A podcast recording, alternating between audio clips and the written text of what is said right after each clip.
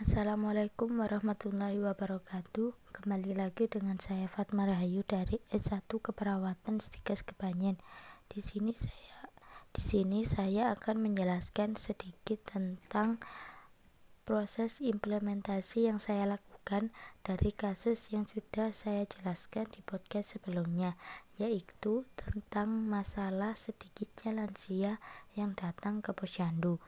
Jadi proses implementasi ini dilak saya lakukan sebuah penyuluhan dengan metode door to door ke rumah lansia di Kecamatan Tumpang. Penyuluhan ini dengan judul Tanpamu Tak Seperti Dulu. Dalam proses ini mungkin ada kesulitan tersendiri bagi saya yaitu seperti bahasa yang digunakan untuk berkomunikasi dengan orang yang lebih tua.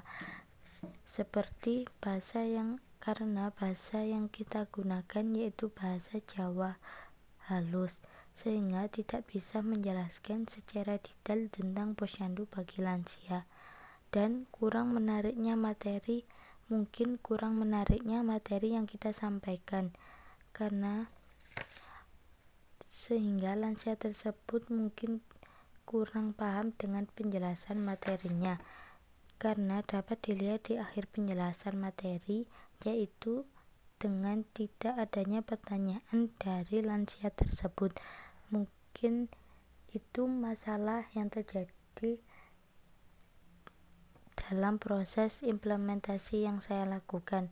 Sedikit Semoga bermanfaat. Wassalamualaikum warahmatullahi wabarakatuh.